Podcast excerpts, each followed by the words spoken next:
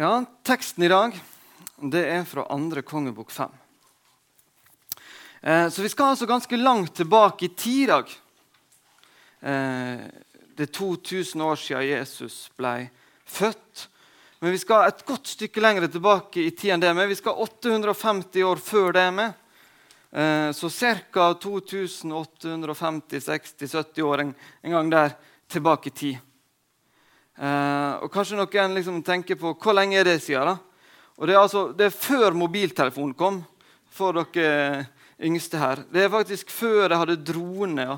Før det var bil med. Så langt tid tilbake skal vi. Eh, og Da var det en profet som levde, som heter Elisha. Han levde i en plass som heter Samaria. Eh, men rett nord for Israel og Samaria så lå det et land som heter Syria. Og Der var det en konge som heter Ben-Haddad den andre. Han hadde en general, en militær leder, som heter Naaman. Og Det er han her Naaman som er hovedpersonen vår i dag. Han var kjempeflink. Vi kan lese at kongen var fornøyd med han, folk var fornøyde med han. Han hadde vunnet mange viktige kriger for Syria. En skikkelig, skikkelig flott hærfører, denne Naaman. Men Naaman hadde et problem. Han var eh, sjuk. Han hadde en hudsjukdom. Jeg skal få litt hjelp i dag. Jeg skal få tre stykker som skal lese litt av teksten. Eh, men før det så skal jeg bare kort gjenfortelle hva det er som skjer i denne historien. Fordi at eh, kona til Naaman hun hadde ei tjenestejente. Og Denne tjenestejenta hun var ei slavejente. Eh, I en krig som hadde vært mellom Syria og Israel før, så hadde hun blitt tatt til fange, ført til Syria, og så nå var hun tjenestejente hos kona til Naaman. Og Hun fortalte en dag til, til kona til Naaman at i Samaria så er det en profet som kan gjøre Naaman frisk fra denne hudsykdommen. Eh, dette fortalte hun videre til Naaman. Naaman sa det til kongen. Han fikk lov til å reise. Han reiste, og han kom etter hvert til Samaria. Han fikk ikke treffe Elisha. Elisha sendte bare bud ut til han, at han skulle gå eh, til Jordan, en elv, og vaske seg sju ganger i denne elva. Eh, Elisha han ble litt sint han, fordi at han eh, ikke fikk møte Elisha, og fordi at oppdraget var så enkelt. Bare gå og vaske seg sju ganger i denne elva. Han kunne vel like gjerne vaska seg i noen av elvene i Syria. Men så ble han likevel eh, overtalt av noen av tjenerne sine til å gå og gjøre det.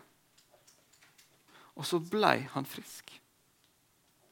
Da reiste han tilbake til Elisha for å takke og fikk treffe han. Ville gi mye gave. Elisha nekta å motta disse gavene.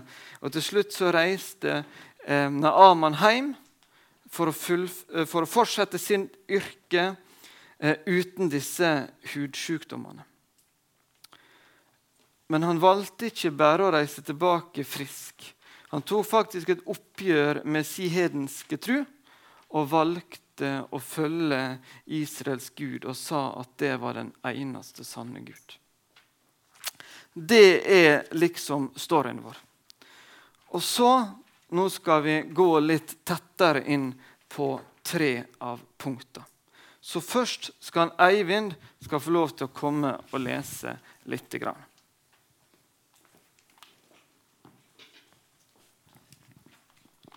Men men Amans tjenere kom til han, snakket med han og sa, Far, hadde profeten pålagt deg noe vanskelig, ville du ikke da ha gjort det? Hvor mye mer nå, når han bare sier til deg at du skal vaske deg og bli ren? Så dro Naman ned til Jordan og dukket seg sju ganger i elven, slik gudsmannen hadde sagt. Da ble kroppen hans frisk igjen, som kroppen til en liten gutt. Han ble ren. Vet du hva, Eivind? Nå gjorde jeg en liten tabbe. Du må faktisk komme og lese det etterpå. Du har fått feil lapp med meg. Det var litt flaut. Hvem av dere to som fikk den lappen der, Jeg har klart å blande? Du, Kristin? Kom, Kristin, skal du få lese. Du skal få komme opp igjen, Eivind. Kristin, nå får du komme og lese. Det var litt dumt. Sant skjer med en travel alenepappa for tida.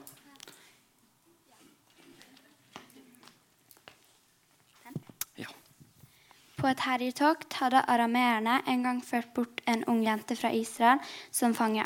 Nå tjente hun hos Naamans kone. En dag sa jenta til sin matmor om bare husbonden min kunne komme til profeten som bor i Samaria, skulle nok han fri ham fra hussykdommen. Naaman gikk til sin herre og fortalte ham hva jenta fra Israel hadde sagt. Da sa arameerkongen, dra du. Tusen takk skal du ha.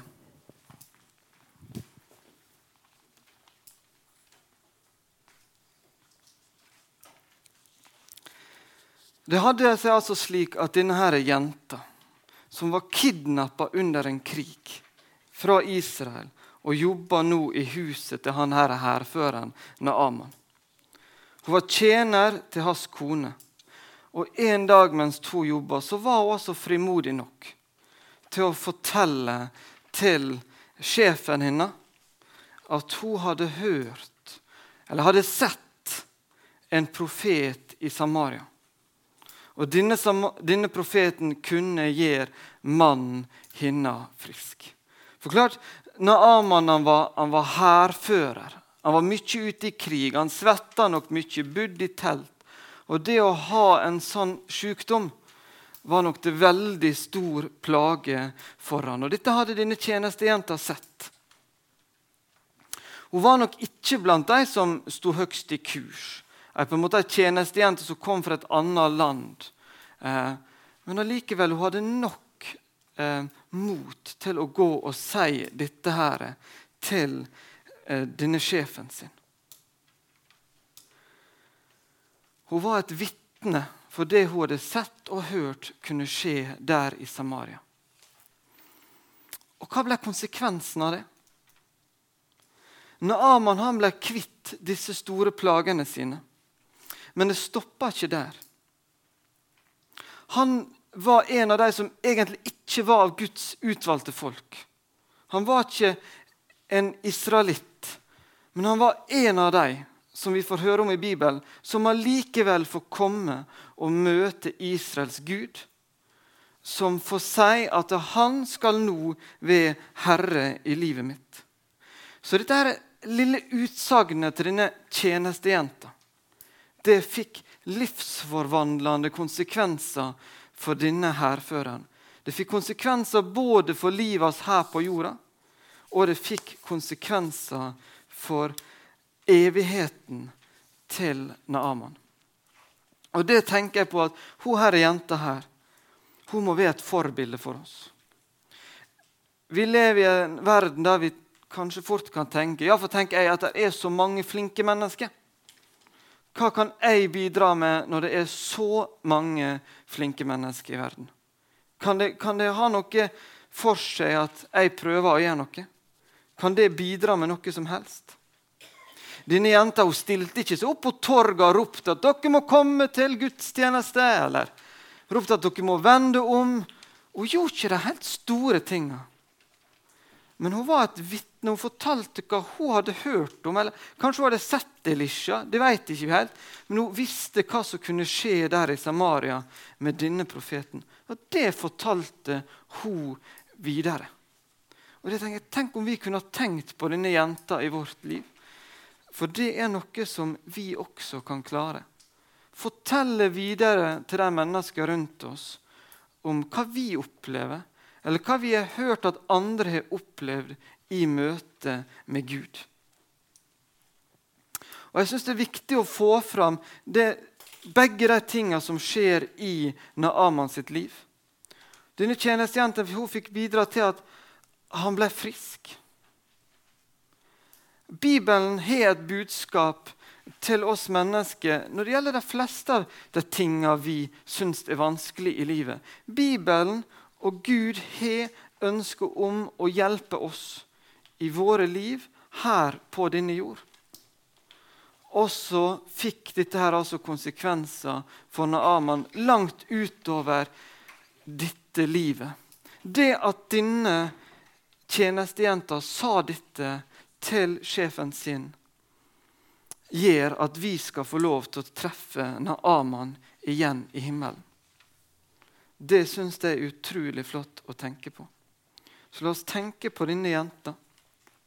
En ting som, som Jesus sa til læresveinene, han sa at dere skal elske Gud. Og så sa han en ting til, at dere skal elske nesten dere som dere sjøl. Dere skal tenke Alt dere ønsker for dere sjøl, skal dere også ønske for de rundt dere. Det får store konsekvenser å tenke slik som det. Verden blir en bedre plass. Og så kan vi få lov til å møte Gud, og så kan vi dette få konsekvenser for evigheten vår. Og Jesus han sa faktisk at når vi gjør gode ting for de rundt oss, så gjør vi det for Han.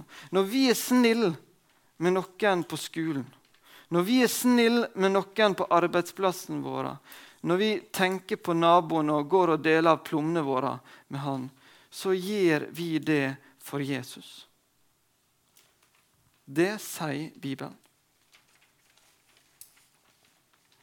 Så hva du tenker og hva du gjør, det kan få store konsekvenser. Jeg tror ikke at denne jenta, når hun sa dette til sjefen sin eh, Jeg tror ikke hun tenkte at både Naaman skulle bli frisk, og at han skulle ta imot Gud som sin herre. Men det skjedde. Det kan få større konsekvenser enn hva vi tror. Da Eivind, skal du få lov til å lese det en gang til, du.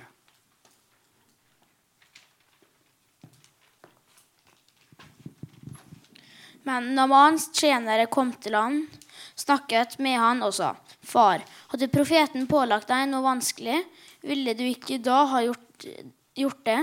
Hvor mye mer nå, når han bare sier til deg at du skal vaske deg og bli ren? Så dro Naman ned til Jordan og dukket seg sju ganger i elven, slik gudsmannen hadde sagt. Da ble kroppen hans frisk igjen, og kroppen, nei, som kroppen til en liten gutt, og han ble ren. Tusen takk.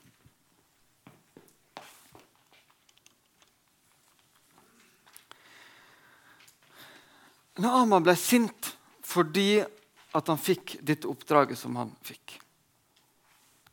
Um, han hadde lyst han, tror jeg, til å bli, det skulle skje noe stort mirakel. Han hadde lyst til å møte denne kjente profeten, og så skulle han gjøre Kanskje han, kanskje han hadde til og med tenkt at det skulle være en tryllestav. Hva vet vi? Han hadde tenkt at det skulle skje et mirakel der og da. Det hadde han sett for seg. Så ble det ikke slik. Han ville bare dra hjem igjen, han. Fikk ikke møtt eh, Elisha, og ikke skjedde noe sånn han hadde sett for seg. Men så var det altså slik at eh, disse tjenerne hans stoppa han opp og så sier hvis du hadde fått beskjed om å gjøre noe vanskelig, da hadde du gjort det. Hvis du har fått beskjed om å kanskje gå sju dager gjennom ørken uten mat og drikke, da hadde du kanskje ville gjort det, at du da kunne følt at du fortjente noe. Men eh, det fikk ikke du beskjed om. Når du har fått beskjed om en sånn enkel ting, hvorfor kan du ikke gjøre det? Og så til slutt så får disse her tjenerne overtalt han til å gjøre det. Vi vet ikke helt hvor mange det var, men når vi leser hele teksten, så skjønner vi at han hadde med veldig mye gaver han skulle ha å takke for hvis dette her gikk bra. Så han hadde måttet hatt med seg ganske mange tjenere. Så det var altså, Denne gangen så var ikke det denne ene tjenestejenta. Men det som skulle til for at han faktisk eh, tok og gikk ned i elva og bada seg, var det fellesskapet som var med han. Jeg tenker at Det også skal vi ta med oss fra denne teksten. Han trengte et fellesskap som peka på Gud for ham, som hjalp han til å gjøre det som han trengte. Fordi at vi mennesker er gjerne stolte. Og det er av og til, faktisk ganske ofte, krevende for oss å ta imot noe som vi ikke fortjener det syns vi er, er ganske vanskelig. Vi liker å gjøre oss fortjente ting. Det ville Naaman med. Han ville fortjene han å bli frisk. Men det fikk ikke han her. Han fikk ikke fortjent å bli frisk. Men disse her eh, som reiste sammen med han, tjenerne hans, de hjalp han altså til å gå ned og gjøre dette forholdsvis enkle oppgaven med å bade seg sjøl sju ganger. Så blei han frisk. Og det stoppa ikke der heller. Han sa faktisk at dette her må en Gud stå bak. Og Kanskje var det akkurat det Elisha visste. Det var derfor de at Elisha ikke ville møte han, men bare sendte ut noen tjenere. Og Det var derfor han ga han en enkel oppgave og ikke vanskelig For da måtte faktisk Naaman skjønne at her står det noen andre bak. Det er ikke Elisha som har noen helt spesielle gaver. Det er Gud som gjør det her. Det er Gud som handler i Naaman sitt liv. Så får han lov til å ta imot Gud som herre i sitt liv. Det var altså først ei tjenestejente som peka og viste ham vei. Og så var det et fellesskap. Og Det er så viktig at vi bruker vårt fellesskap og være en del av et fellesskap og være en del av ei menighet. Så skal vi hjelpe hverandre og peke på Gud og peke på Jesus. Fordi at vårt fellesskap det kan ikke frelse noen som helst. Vårt fellesskap kan ikke helbrede noen. Men vårt fellesskap kan vise vei til Jesus. Det kan vise vei til Gud. Det kan vise veien til vi som er inne. Vi som er en del av fellesskapet, trenger av og til hjelp av noen andre for å se hva vi trenger i livet vårt. Og så er det mennesker som ikke enda er en del av fellesskapet vårt, som vi kan nå, som vi kan hjelpe å peke på Jesus. At det er det de trenger. For i et sånt møte mellom Gud og menneske så kan nemlig alt skje. Det fikk Naaman oppleve. Han fikk oppleve å bli frisk, han fikk oppleve å ta imot Gud som herre i sitt liv. Synd vil bli tilgitt når Gud møter mennesket. Når Gud får lov til å handle i menneskets liv. Uvenner kan begynne å elske hverandre. Sykdom kan bli helbredet. Det fins ingen grense for hva som skjer i møtet mellom Gud og menneske. Skal vi se på det siste punktet. Skal Hanne Marie få lov til å komme og lese.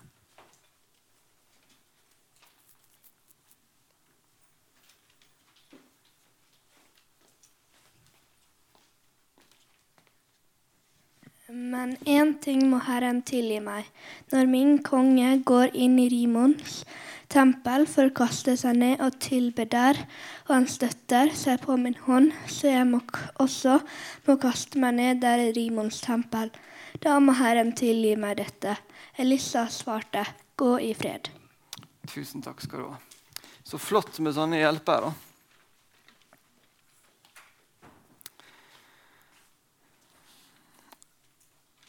Jeg syns det ligger et veldig viktig poeng i akkurat dette siste delen av, av teksten vår.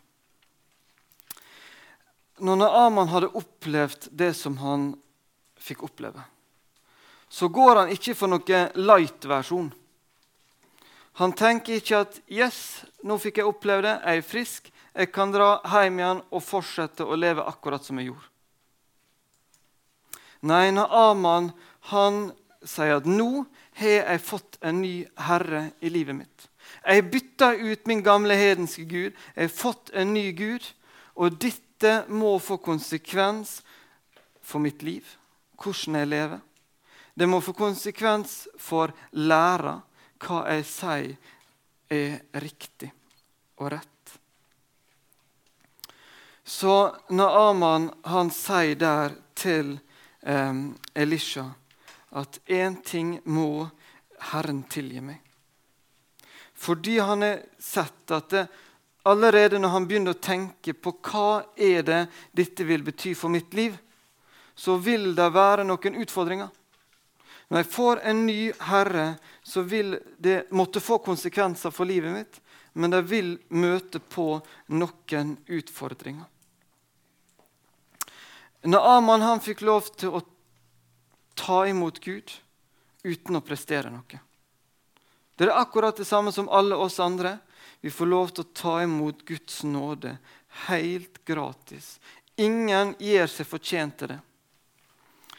Men når vi er tatt imot Gud som Herre i vårt liv, når vi er valgt å ha Han som vår sjef, og vi er blitt hans disipler, så får det konsekvenser for livet vårt videre. Det fikk det også for eh, Naaman. Han var altså eh, landets militære sjef. Han var på en måte den ant viktigste der i landet.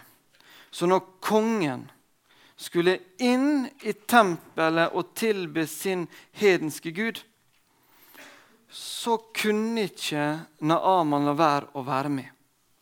Det var en del av stillinga hans. Han måtte være med inn der. Men tidligere så hadde Naaman gjort det med hjertet. Og også tilbedt denne guden som kongen skulle tilby. Men nå så kom Naaman til å måtte være med inn der, men ikke med hjertet. Hjertet hans kom ikke til å være med denne guden. Han måtte gi pliktene sine, men han hadde nå fått en ny herre i sitt liv. Og jeg tenker at Dette her er veldig relevant for oss i dag. Vi kan møte det i, i Johannes 17. Det er et helt kapittel i Bibelen når Jesus vet at nå er det like før jeg skal opp til himmelen. Eh, og så ber han for alle som er tatt imot Jesus. Alle som har sagt ja til å ha Jesus som herre i sitt liv. Så ber Jesus for dem, og så sier han at det, dere har fått dere er blitt ny. Når vi er i dåpen, så blir vi et nytt menneske. Ikke på utsida, vi kan ikke se det, men vi er blitt en ny inni. Eh, vi kan ikke forsvinne fra denne verden. Vi må være i denne verden. Men vi har fått en ny herre, vi har fått et nytt liv. Det har skjedd noe med oss.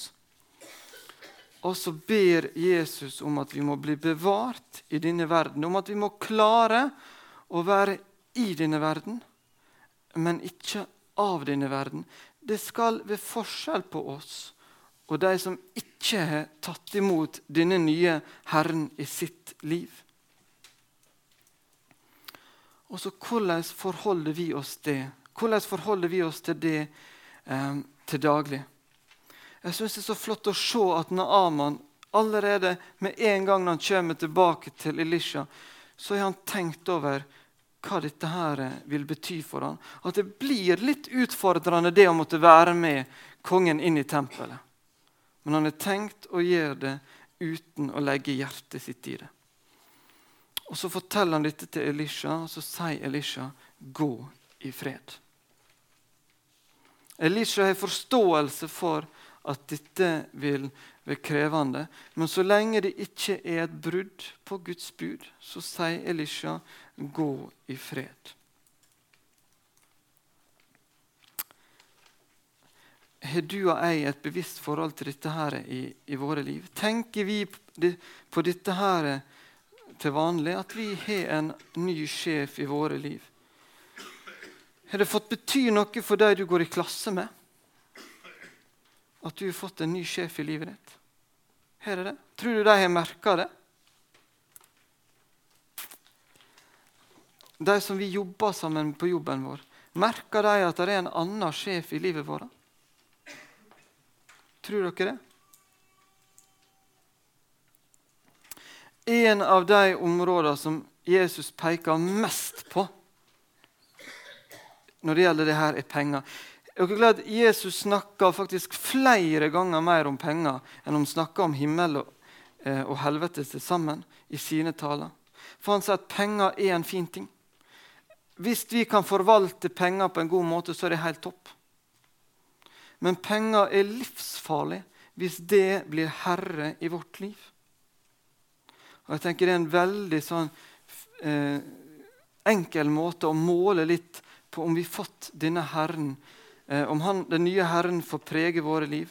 Når vi tar beslutninger eh, i livet vårt Det kan være ganske så små beslutninger eller det kan være store beslutninger. Hva får da bestemme? Hvor ofte er det de, de økonomiske argumentene som vinner når vi skal ta avgjørelser i våre liv? Hvor vi skal bo, hva vi skal utdanne oss til, hvem vi skal gifte oss med. Er det økonomiske argument som får vinne? Eller prøver vi å lytte til denne nye sjefen vår og få, la han få lov til å være med og bestemme i livet vårt? Dere så ei som var her framme sammen med meg i stad. En ganske frimodig fireåring som jeg har. Rebekka heter hun. Og De av dere som har truffet henne litt på nært hold, vet at hun er ganske frittalende. Og som kanskje andre fireåringer så skulle hun ønske at hennes argument, eh, hennes behov, stort sett alltid eh, ble bestemmende for hva vi som familie skal gjøre. Eh, som minst av tre søsken så, så, er det nok en del ganger at hennes argument ikke vinner. Men hun er veldig opptatt av hvem det er som skal bestemme. Eh, og, og, kanskje nettopp for å prøve å spille mamma og pappa opp mot hverandre, så, så kan du da ganske ofte komme og, og, smiske litt med hvem som skal bestemme. Og det var faktisk når jeg kom og henta henne i barnehagen på fredag, så bare i det møtet i barnehagen så sa hun 'Pappa bestemmer!' Så, og Så kom det en annen mor der som kanskje kjenner familien litt, og så sa hun omtrent like kjapt Eller kanskje mamma har latt pappa få bestemme. Men det ble en sånn liten sånn her, eh, tankevekker for meg. Hvem er det som bestemmer i familien Bakke? Er det slik at det er ofte mamma og pappa som bestemmer? Um, og i så fall, hvor mye tid har mamma og pappa brukt på å finne ut hva Gud tenker at vi bør gjøre nå? Hvor ofte har vi en bevisst tanke i vår familie om at Gud må få være med i våre beslutninger? At det er faktisk Han som nå er Herren i våre liv og at Guds sine ønsker, Guds sine tanker, at Guds ord som vi finner i Bibelen, skal få påvirke våre handlinger og våre holdninger og våre prioriteringer. Har vi blitt slukt opp av forventningene til verden rundt oss? Til de vi treffer på skole, på jobb? Tør vi å si stopp. Og la Gud få lov til å prege oss i det vi gjør.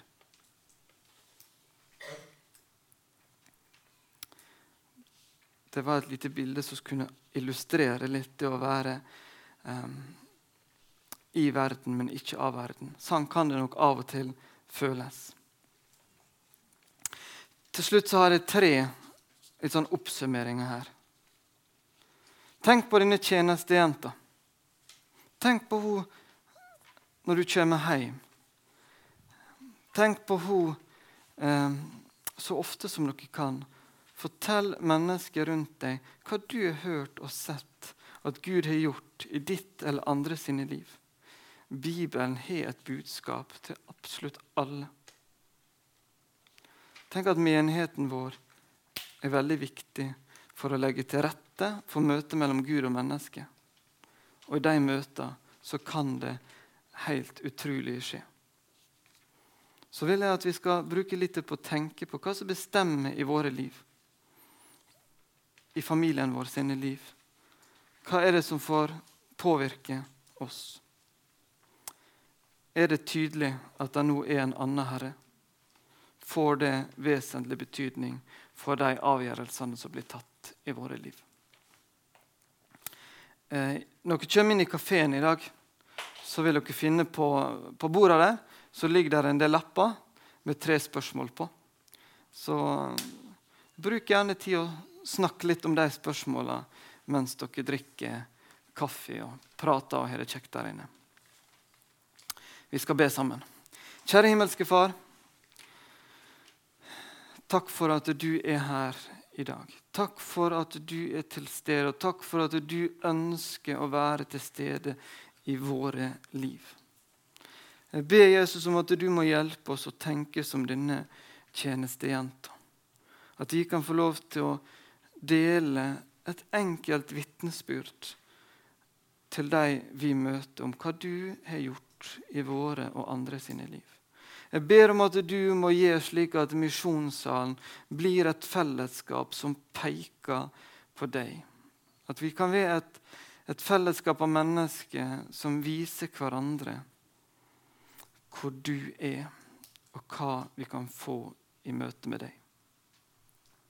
Så ber jeg om at eh, vi får mot og kraft og styrke til å La du prege våre liv. At Din Hellige Ånd får lov til å tale ditt ord inn i våre liv um, når vi står overfor valg. Alt fra de minste til de store valgene i våre liv. Det ber vi om i Jesu navn. Amen.